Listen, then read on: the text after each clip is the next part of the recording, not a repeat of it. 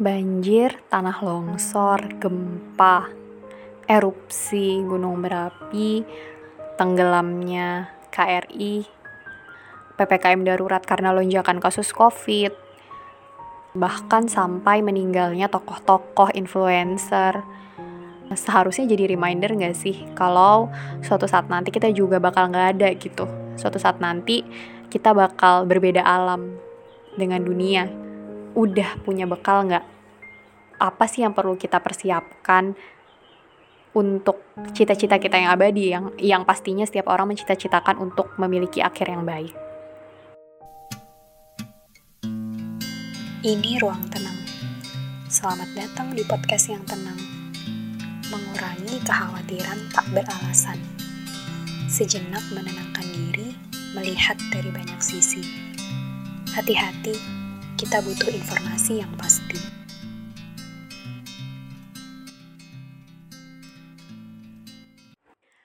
Halo guys, welcome back to podcast Ruang Tenang. Assalamualaikum warahmatullahi wabarakatuh. Gimana kabarnya? Lama banget ya rasanya. Aku juga udah lupa kapan terakhir kali kita ngobrol. But ya, yeah, here we go gitu. Setelah sekian lama, uh, mari kita mulai lagi ya teman-teman ya. Emang ada banyak kejadian yang terjadi selama aku nggak tag podcast gitu ya uh, beberapa di antaranya bisa ditolerir dan banyak yang mungkin aku nya aja yang kurang bisa bagi waktu jadi kayaknya agak terbengkalai gitu. Oke, okay, tapi hari ini selamat datang kembali dan selamat mendengarkan kembali di podcast Ruang Tenang.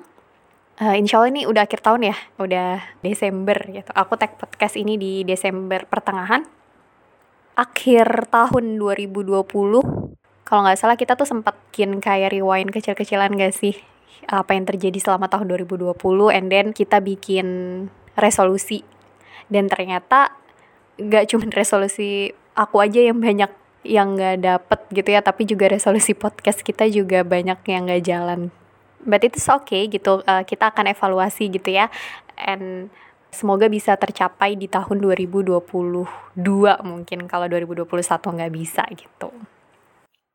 Oke, okay.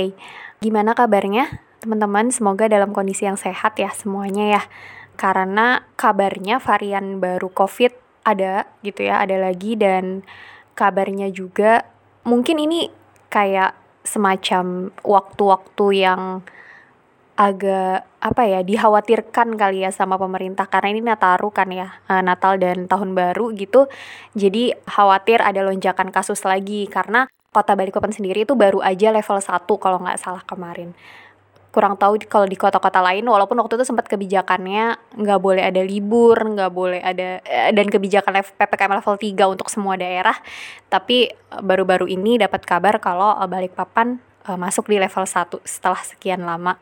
Di level 3 terus kemudian turun ke level 4 ya terus kemudian turun ke level 2 dan sekarang di level 1 gitu alhamdulillah.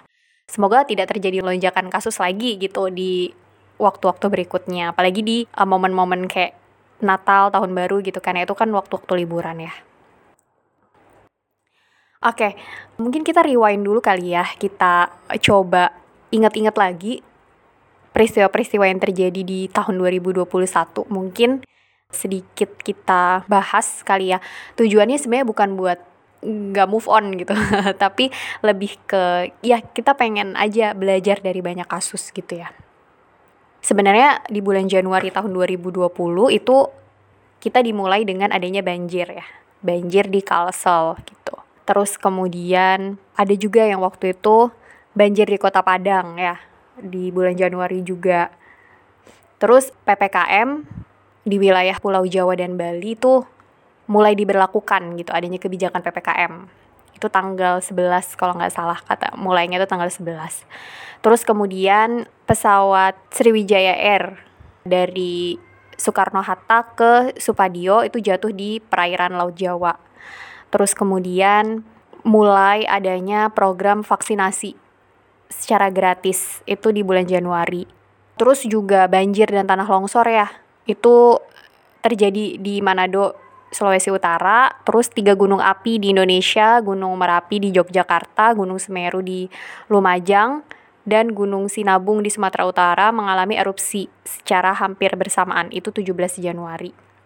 Banjir juga di beberapa wilayah Kabupaten Pidie dan Kabupaten Aceh banjir lagi disertai longsoran tanah menerjang kampung Gunung Mas Blok C dan kampung Rawa Dulang, Desa Tugu Selatan, Puncak Bogor di Kabupaten Bogor. Terus kemudian gempa bumi lagi dengan magnitudo 7,1 di Sulawesi Utara. Tanah longsor di area eks tambang batubara Kecamatan Mentewe, Kabupaten Tanah Bumbu, Kalimantan Selatan. Nah, uh, di bulan Januari juga COVID-19 di Indonesia mencapai 1 juta lebih menjadikan Indonesia negara dengan kasus COVID-19 tertinggi di Asia Tenggara. Tuh ya, kayaknya uh, banyak bencana-bencana di bulan Januari ya, gempa bumi, tanah longsor, terus kemudian banjir itu di bulan Januari. Kemudian di bulan Februari sama di awal Februari banjir melanda DKI Jakarta sehingga lebih dari 1.700 penduduk mengungsi dan mengakibatkan setidaknya lima orang meninggal dunia. Kemudian ini yang termasuk ada kebijakan yang cukup aku pribadi sih cukup apa ya jengkel enggak sih cuman kayak agak sebel aja gitu. PT BSI, TBK didirikan sebagai hasil penggabungan dari beberapa bank syariah gitu. Ini yang aku kebetulan punya rekening di BNI Syariah ya waktu itu. Jadi harus mutasi mutasi dan itu ya you know lah ya. Kayak kita harus antri di bank dan waktu itu nggak cuma satu dua orang kan ya yang mutasi yang punya rekening di bank syariah kan nggak cuma satu dua orang tapi banyak orang. Dan itu harus berhari-hari gitu kayak uh, ngambil nomor antrian dulu gitu terus kayak ya pokoknya itulah ya itu di bulan Februari terus mulai ada uh, vaksinasi untuk lansia. Terus ada banjir lagi di Tangerang, Jakarta, Bekasi, Indramayu, Karawang, dan Semarang. Terus ini ada apa? KPK ya menetapkan Gubernur Sulawesi Selatan sebagai tersangka terkait dugaan suap proyek setelah operasi tangkap tangan sehari sebelumnya. Oke, itu di bulan Februari. Kemudian di bulan Maret ada virus SARS-CoV-2 garis keturunan B117 yang lebih mudah menular dilaporkan di Indonesia. Jadi ada varian baru. Terus kemudian ada itu ya, kalian kalau misalnya mengikuti dunia perpolitikan, kalian pasti tahu deh di bulan Februari, eh sorry di bulan Maret itu ada Partai Demokrat, gonjang-ganjingnya Partai Demokrat gitu. Terus di bulan Maret juga ada vaksin COVID-19 Oxford AstraZeneca tiba di Indonesia. Terus itu uh, tim bulu tangkis Indonesia yang dipaksa mundur dari turnamen All England 2021. Itu yang terkonfirmasi itu ya. Kayak di mereka disuruh melakukan isolasi mandiri gitu. Karena ada penumpangnya yang dinyatakan positif COVID-19. Itulah ya. Terus ada bom di gereja katedral Makassar. Dua orang pelaku tewas, 20 orang luka-luka. Kemudian kebakaran kilang minyak di Balongan, Indramayu, Jawa Barat. Kemudian seorang terduga teroris tewas dalam serangan di markas besar kepolisian negara Republik Indonesia itu di bulan Maret, akhir Maret. Di bulan April juga ada banjir dan longsor di NTT, puluhan jiwa tewas. Kemudian ini mulai ada larangan untuk melakukan cuti mudik gitu ya. Terus juga gempa bumi tanggal 10 April itu ada gempa bumi di Jawa Timur, 8 orang tewas. Terus rangkaian gempa bumi tektonik mengguncang wilayah kawasan Danau Toba. Kalian kalau masih ingat dan itu yang aku juga cukup bergetar ya waktu dengar itu. Kapal selam KRI Nanggala 402 milik TNI AL yang mengangkut 53 personel TNI hilang di perairan utara Laut Bali. Nanti kemudian di tanggal 24-nya dinyatakan tenggelam ya. Ditemukan puing-puing yang diduga berasal dari kapal selam tersebut. Juga di bulan April ini ada baku tembak personel gabungan TNI Polri dengan kelompok kriminal bersenjata atau KKB. Ini di Papua. Lima anggota KKB dan satu personel BRIMOB tewas. Ini rame juga ya waktu itu ya terus penggabungan Kementerian Pendidikan dan Kebudayaan dengan Kementerian Riset dan Teknologi. Jadi Mendikbud Ristek waktu itu dilantik Mas Nadim ya, Mas Nadim Makarim sebagai menteri. Itu di bulan April, and then di bulan Mei ada varian baru, varian baru COVID di awal Mei, terus kemudian ada ini juga sebanyak 75 orang pegawai Komisi Pemberantasan Korupsi dinyatakan tak lulus dalam TWK. Ini yang ramai juga ya. Dia jadi KPK-nya dilakukan tes TWK ternyata ada 75 orang yang nggak lulus gitu. Ini juga jadi polemik lah ya, ramai waktu itu. Terus kemudian Bupati Nganjuk ditangkap oleh KPK atas dugaan korupsi suap jabatan di Kabupaten Nganjuk. Ada 13 kejadian gempa bumi di wilayah Provinsi Nusa Tenggara Timur atau NTT. Ada juga banyak sih sebenarnya cuman rata-rata terkait dengan COVID ya. COVID entah itu vaksinnya itu di bulan Mei rata-rata. Presiden RI Joko Widodo melantik Letnan Jenderal TNI Gani Puarsito sebagai Kepala Badan Nasional Penanggulangan Bencana BNPB di Istana Merdeka, Jakarta. Terus ada juga yang itu akhir Mei ya, kapal motor penyeberangan mengalami musibah kecelakaan akibat putusnya tali seling randor dan ambruknya ramdor pintu kapal feri ketika proses bongkar muat kendaraan saat bersandar di dermaga Pelabuhan Ambarita, Kabupaten Samosir, Sumatera Utara. Itu yang mobil Toyota Avanza jatuh dan mengakibatkan satu orang meninggal dunia. Terus di bulan Juni dan Juli pemerintah memutuskan PPKM darurat ya. Dan berkaitan dengan itu juga, Indonesia kedatangan vaksin COVID-19 tahap ke-19 AstraZeneca sebanyak 998.400 dosis. Itu hasil dari tuan pemerintah Jepang. Ini juga yang waktu itu ada pray from home, yang Presiden Joko Widodo mengikuti acara doa bersama lintas agama dari rumah untuk Indonesia gitu ya, yang pray from home. Terus juga Dr. Lois Oin ditangkap Polda Metro Jaya karena diduga telah menyebarkan informasi palsu atau hoax yang menyebarkan berita bohong atau menyiarkan berita dengan sengaja yang dapat menimbulkan keonaran di kalangan rakyat terkait penanganan COVID-19 atau virus corona. Masih inget gak sih yang Dr. Lois sama aku sih pertama kali tuh taunya dari uh, Instagramnya Dr. Tirta ya itu kan rame banget juga. Terus ada hujan meteor juga, hujan meteor Delta Aquarit. Terus ini tanggal 16-nya Presiden Jokowi menginstruksikan jajarannya untuk mempercepat penyaluran. Ini yang mulai ramai banget ya. Jadi uh, sampai Presiden Joko Widodo minta kepala daerah siapkan tempat isolasi dan rumah sakit cadangan. Itu mulai naik kasusnya. Terus di bulan Agustus ini rame banget nih yang Gracia Poli sama Apriani Rahayu memenangkan bulu tangkis ganda putri dan satu-satunya peraih medali emas setelah sekian lama ya. Terus di bulan September itu juga pemberitaannya tentang juara Paralimpiade Tokyo 2020. Kalau di bulan Oktober itu PON ya, PON PON 20 Papua 2021. Kemudian tim nasional bulu tangkis Indonesia juara Piala Thomas Cup di Denmark. Itu yang Kemenporanya sempat dihujat habis-habisan sama netizen Indonesia itu loh. Itu di bulan Oktober. Di bulan November dan Desember mungkin pada tahu ya.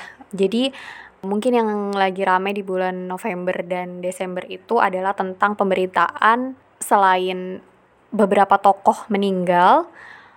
Kayak misalnya artis ya uh, waktu itu yang rame Vanessa Angel terus kemudian nggak lama adiknya Alvin Faiz tuh Amir, anaknya almarhum Ustadz Arifin Ilham, and then kemarin yang terbaru wali kota Bandung gitu ya. Terus juga kasus tentang kekerasan seksual ya yang mulai rame. Ada RUU PPKS gitu yang sempat pro kontra bahkan sampai sekarang masih pro kontra dari Kemendikbudristek ya sekarang namanya itu sempat pro kontra terus bahkan yang terakhir kemarin itu yang ini ramai itu selain yang Novia itu pondok pesantren. Yang pengasuh pondok pesantren memperkosa anak-anaknya atau anak-anak didiknya gitu ya. Bahkan ada yang sudah sampai melahirkan anak kedua gitu kan. Itu kan ngeri ya serem banget gitu. Ya itu sih dari tahun 2021 gitu banyak banget yang terjadi. Bahkan tadi uh, aku sampaikan di awal ya di awal tahun itu udah ada banjir gempa tanah longsor gitu terus juga yang lonjakan kasus tuh di tahun 2021 varian baru COVID gitu. Terus kemudian KRI apa kapal selamnya kita gitu ya tenggelam terus pesawat jatuh and so on gitu ya. Banyak banget yang terjadi. Aku sih ngerasa kita perlu belajar banyak gitu ya. Kayak wow gitu. Kayak yang waktu Vanessa Angel meninggal dunia bersama suaminya waktu itu apa ya menggetar. Aku aku sih aku pribadi sih kayak ngerasa ya Allah gitu ya. Umur mah nggak ada yang tahu gitu. Makanya sebenarnya aku di sini pengen kayak kita bareng-bareng selain mempersiapkan apa yang bakal terjadi di tahun 2022 gitu kita bikin resolusi dan lain-lain sebenarnya yang paling penting adalah kita perlu introspeksi kali ya. Kita perlu mempersiapkan sesuatu yang pasti gitu ke depannya gitu. Kita punya bekal apa nih ke depannya uh, untuk mempersiapkan kehidupan yang abadi gitu. So di sini aku pengen ngajak kita semua untuk introspeksi mungkin bahasa ininya muhasabah kali ya. Kenapa sih? Karena ya itu tadi gitu. Sebenarnya muhasabah atau atau introspeksi itu adalah motivasi kita juga gitu untuk memperbaiki diri. Karena tadi umur nggak ada yang tahu pertama. Terus yang kedua uh, ya kita as what I say before kali ya oh, sebelumnya mungkin aku udah nyampaikan ini di episode sebelumnya tentang apa sih hakikat penciptaan manusia gitu. Kita diciptakan tuh untuk apa? Itu kembali lagi ke sana gitu. Jangan sampai misalnya kita berapa puluh tahun hidup gitu kita tuh udah merasa cukup banget sama amalan-amalan kita sampai akhirnya kita ya udahlah segini aja gitu bakal kita. Padahal ya itu tadi kita nggak pernah tahu kan kita akan dimatikan dengan cara yang seperti apa gitu. Nah urgensi dari muhasabah atau apa introspeksi diri itu yang pertama pasti itu karena perintah gitu ya jadi ada satu ada satu hadis yang aku ingat bahwa orang yang pandai itu adalah orang yang bisa menghisap atau mengevaluasi dirinya sendiri. Jadi karena ketika nanti kita udah nggak ada gitu, kita akan dihisapkan gitu. Jadi kayak kita menghisap diri kita sendiri dulu supaya nanti ketika kita dihisap itu lebih ringan. Nah, ada tiga hal yang perlu kita evaluasi. Jadi ada tiga aspek. Yang pertama aspek ibadah. Seberapa sih? Karena kan yang udah aku sampaikan di episode sebelumnya gitu ya. Ibadah itu adalah tujuan utama penciptaan manusia gitu. Jadi kita diciptakan itu untuk beribadah. Jadi ya itu yang akan ditanyakan nanti ketika kita sudah tidak di dunia lagi gitu. Jadi yang pertama dan yang paling utama menurut aku uh, itu adalah bagaimana uh, ibadah kita. Walaupun konsep ibadah lagi-lagi luas ya guys. Jadi nggak cuman tentang hubungan kita sama Tuhan atau hubungan kita sama Allah, tapi juga hubungan kita dengan orang lain dengan niat untuk Allah gitu. Jadi tetap terus kemudian pekerjaan, usia dan rizki. Sadar atau enggak sebenarnya menurut aku ya itu adalah titipan toh pekerjaan usia dan rizki itu adalah titipan yang nantinya akan dipertanggungjawabkan kan itu lagi balik lagi gitu. Jadi kayak dari pekerjaan kita sekarang yang mungkin sudah banyak yang merasa sukses atau sudah ataupun masih kurang gitu kan ya. Kayak kok aku kayaknya gini-gini aja ya? Kok aku nggak kayak yang lain ya? Gitu. Tapi uh, sebenarnya bukan itu.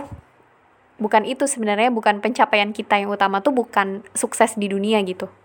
Bukan cuman itu. Walaupun sukses di dunia juga itu yang harus kita kejar ya. Karena nggak juga yang kayak uh, akhirat banget gitu kita utamakan terus akhirnya dunianya terbengkalai. Akhirnya pekerjaannya tidak bisa menghidupi dia di dunia padahal konsepnya nggak gitu gitu. Jadi konsepnya semuanya kan harus seimbang ya. Dan kita juga nggak akan ditanya tentang apakah pekerjaan kita worth it gitu ya atau pekerjaan kita bagus gitu atau kita merasa sukses dengan pekerjaan kita. No it's not about that. Tapi adalah apakah pekerjaan kita itu mendekatkan kita kepada Allah gitu mendekatkan kita kepada Tuhan gitu. Menurut aku sih gitu sih ya. Terus juga uh, usia dan rizki usia dan rizki nggak eh usia nggak ada yang tahu ya. Tapi kita itu dijamin rizkinya sampai usia kita berakhir. Walaupun kita nggak ngapa-ngapain gitu. Jadi sebenarnya udah ada jaminan rizki dari Allah. Yang ketika rizki itu habis berarti usia kita habis gitu. Sebenarnya konsepnya seperti itu. Disclaimer aku juga belajar ya. Jadi nanti kalau misalnya aku ada tepelintir tepelintir dikit mohon dimaafkan. Kalian inget gak sih kayak yang ada lima perkara sebelum lima perkara? Jadi usahakan untuk mendapatkan lima perkara sebelum lima perkara. Yang pertama, masa muda sebelum masa tua. Jadi memang kita kan bisa maksimal melakukan sesuatu tuh di masa muda ya. Bukan di masa anak-anak pun bukan di masa tua gitu kan ya. Jadi kalau di masa anak-anak kan belum matang ya secara emosional, secara apa pun itu itu belum matang gitu. Kayak masih anak-anak masih dunia masih main gitu. Dan juga belum balik juga gitu kayak belum bisa membedakan mana yang benar, mana yang salah. Terus juga ketika tua semuanya udah terbatas, misal energi terbatas, tenaga terbatas, terus ruang geraknya jadi sempit gitu. Makanya manfaatkan masa muda sebelum masa tua. Terus masa sehat sebelum masa sakit. Ini nyata ya, maksudnya ketika kita sakit yang bisa kita lakukan apa ya paling istirahat gitu kalau toh bisa melakukan A B C nggak maksimal kan terus kemudian yang ketiga masa kaya sebelum masa fakir jadi setiap orang tuh punya masa emasnya gitu walaupun masa emas setiap orang itu berbeda-beda. Ada yang mungkin masa kayanya tuh kaya banget ada yang masa kayanya mungkin bukan kaya harta tapi kaya yang lain gitu. Nah ketika masa-masa itu datang masa-masa emas itu datang itu harus dimanfaatkan. Sebelum nanti Allah timpakan atau Tuhan timpakan uh, kefakiran apa ya ketidakmampuan kita gitu. Terus kemudian masa luang sebelum masa sibuk. Ini sih ya. Jadi kan waktu lagi-lagi tentang waktu gitu jadi ketika kita luang ya manfaatkan gitu. Jangan sampai ini reminder juga sih buat aku yang ah gitu. Lebih kayak terlena sama masa luang daripada masa jadi ketika waktu sibuk kayak sok sibuk banget. Padahal sebenarnya nggak sibuk-sibuk banget sih tapi karena kita nggak bisa manage waktu aja gitu. Jadi waktu luang tuh nggak kita manfaatkan. Akhirnya waktu sibuk tuh kayak aduh ini numpuk ini numpuk ini numpuk gitu. Jadi nggak termanfaatkan dengan baik. Terus yang kelima adalah hidup masa hidup sebelum masa mati ini ya yang udah aku singgung di awal. Dan kita belajar banyak dari apa yang terjadi selama tahun 2021 kemarin. Banyak banget berita-berita. Dan gak sedikit juga kanan kiri depan belakang orang yang dekat sama aku itu kehilangan orang tersayangnya atau bahkan orang terdekat aku yang gak ada gitu. Ya kita tinggal tunggu giliran toh gitu. Jadi kayak belajar aja banyak dari apa yang terjadi di sekitar kita gitu nah itu tadi tentang uh, aspek pekerjaan usia dan rizki terus yang aspek ketiga itu adalah aspek kehidupan sosial jadi ini adalah tentang hubungan kita dengan uh, manusia gitu. Sebenarnya kalau di ajaranku, ajaran Islam ya, of course, semuanya itu udah disusun atau sudah diatur sedemikian rupa. Bagaimana hubungan kita dengan Tuhan kita atau dengan Allah gitu. Terus juga bagaimana hubungan kita dengan manusia. Bagaimana hubungan kita dengan diri kita sendiri, of course gitu. Itu semua udah uh, diatur. Jadi penting banget untuk introspeksi diri. Karena gini, ketika kita udah salah sama kalau kita salah sama Allah gitu ya kalau kita salah sama Tuhan kita gampang gitu sih nggak gampang juga sih maksudnya gampang tinggal taubat gitu tinggal ya Allah aku minta maaf gitu misal kayak gitu udah ada jaminan kalau Allah itu maha pemaaf gitu Tuhan tuh maha pemaaf tapi ketika ini kaitannya dengan kehidupan sosial yang which is gitu ya. Which is uh, orang yang ada di sekitar kita itu juga punya hati gitu ya. Kita pun demikian. Kayak coba deh bayangin aja dari misalnya kayak ada orang yang berbuat salah. Nggak segampang itu misalnya memaafkan itu karena kita punya hati dia juga punya hati gitu. jadi uh, ini yang sebenarnya harus lebih berhati-hati. Karena belum tentu dari orang yang disakiti itu ridho gitu. Jadi uh, aspek kehidupan sosial kehidupan bermasyarakat kita kehidupan berteman kita atau kehidupan bersosialisasi kita itu sebenarnya juga harus uh, diintrospeksikan apa sih manfaatnya ketika kita melakukan introspeksi atau muhasabah secara berkala? Sebenarnya bukan cuma akhir tahun ya, tapi harusnya berkala atau bahkan sebelum tidur gitu kalau bisa. Apa manfaatnya? Dari sisi psikologi dan dari sisi kesehatan mental dan fisik kali ya, itu dapat banget gitu. Jadi kayak kita nggak jadi pribadi yang pendendam, kita nggak jadi pribadi yang kayak apa ya kayaknya susah banget gitu mau berteman sama si A, si B, si C kok kayaknya susah kok dia orangnya kayak gini, orangnya kayak gini gitu. Tapi kalau misalnya kita orang yang rajin introspeksi, kita akan tahu bahwa sebenarnya mungkin kesalahan itu tuh nggak cuma terletak di orang lain, tapi terletak di diri kita juga yang kurang bisa memaafkan, misalnya kayak gitu. Jadi sebenarnya lebih sehat secara mental pun lebih sehat secara fisik gitu ya. Karena biasanya memang physical illness itu turunan dari mental illness gitu ya. Begitu juga sebaliknya jadi kayak saling keterkaitan. Itu lebih sehat. Dan juga lebih kita tuh lebih bisa kayak lebih sehat perilakunya juga gitu.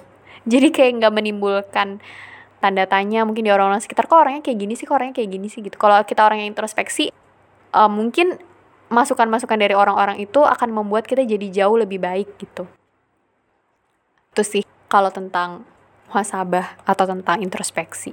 So guys jangan lupa gitu. Ini reminder buat aku juga. Walaupun tadi disclaimer di awal aku bukan orang yang ahli di bidang ini dan pun juga nggak yang rajin-rajin introspeksi setiap hari juga. Tapi aku berharap kita tuh nggak cuman fokus ke masa depan kita gitu. Kita nggak cuman fokus ke apa yang akan terjadi di depan kita. Tapi kita juga memikirkan atau mengambil pelajaran dari apa yang terjadi sebelumnya gitu. Jadi melihatnya dari view yang lebih jauh lagi gitu.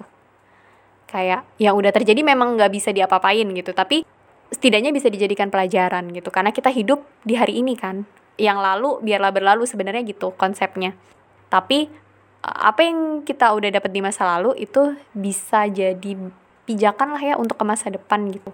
Supaya masa depan kita itu tidak seburuk masa lalu kita gitu. Itu sih. Semoga tahun 2022 kita bisa melakukan revolusi-revolusi resolusi revolusi. Resolusi yang sudah kita ini kan ya. Mungkin banyak yang belum ini ya. Aku pribadi sih belum juga sih kayak masih banyak targetan-targetanku yang harusnya aku selesaikan di tahun 2021 dan ini udah akhir tahun tapi masih jauh dari target gitu. But it's okay gitu. Manusia kan cuma bisa berencana ya, tapi selebihnya kita masih punya Allah yang mungkin memang itu belum terbaik gitu kali ya untuk direalisasikan tahun ini gitu.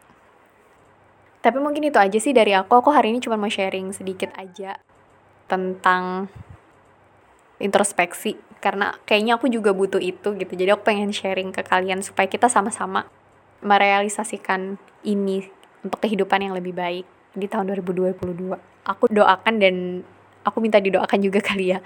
Uh, semoga ke depannya semua hajat semua yang kita pengenin itu bisa terlaksana dengan baik. Dan juga semoga bencana-bencana yang terjadi entah itu apa ya kayak kema kayak yang tadi aku udah sampaikan ada banjir, gempa, tanah longsor, terus juga bencana individu, bencana individu, bencana untuk sebagian orang kayak misalnya uh, meninggalnya keluarga terdekat teman-teman gitu. Terus juga pokoknya intinya segala yang terjadi di tahun 2021 itu bisa jadi pelajaran ke depannya seperti itu. Jangan sedih, jangan berlarut-larut dalam kesedihan. Karena uh, we have to move forward kan gitu. Jadi kita harus maju ke depan dengan tetap mempelajari apa yang terjadi sebelumnya tapi juga tidak berlarut-larut dalam kesedihan itu gitu. Semangat guys. Di tahun 2022 juga sepertinya akan ada banyak kejadian yang menanti gitu. Jadi uh, we have to look forward for it gitu yuk gitu maju aja gitu pantang mundur nggak usah kayak misalnya apa ya yang bakal terjadi gitu overthinking lagi gitu. Tapi ya udah kita jalanin aja bareng-bareng. Mungkin itu kali ya dari aku. Sorry kalau misalnya agak tepelit ya udah lama nggak tag podcast jadi kayak udah kayak udah kayak nggak terbiasa aja gitu kayaknya. So thank you guys for listening. Segala omongan nggak penting aku tapi semoga bisa diambil pelajaran ya. Dan uh, yuk kita introspeksi bareng untuk 2022 yang lebih baik. Terima kasih. Assalamualaikum warahmatullahi wabarakatuh. Terima kasih sudah berkunjung ke ruang tenang. Salam tenang. Semoga menenangkan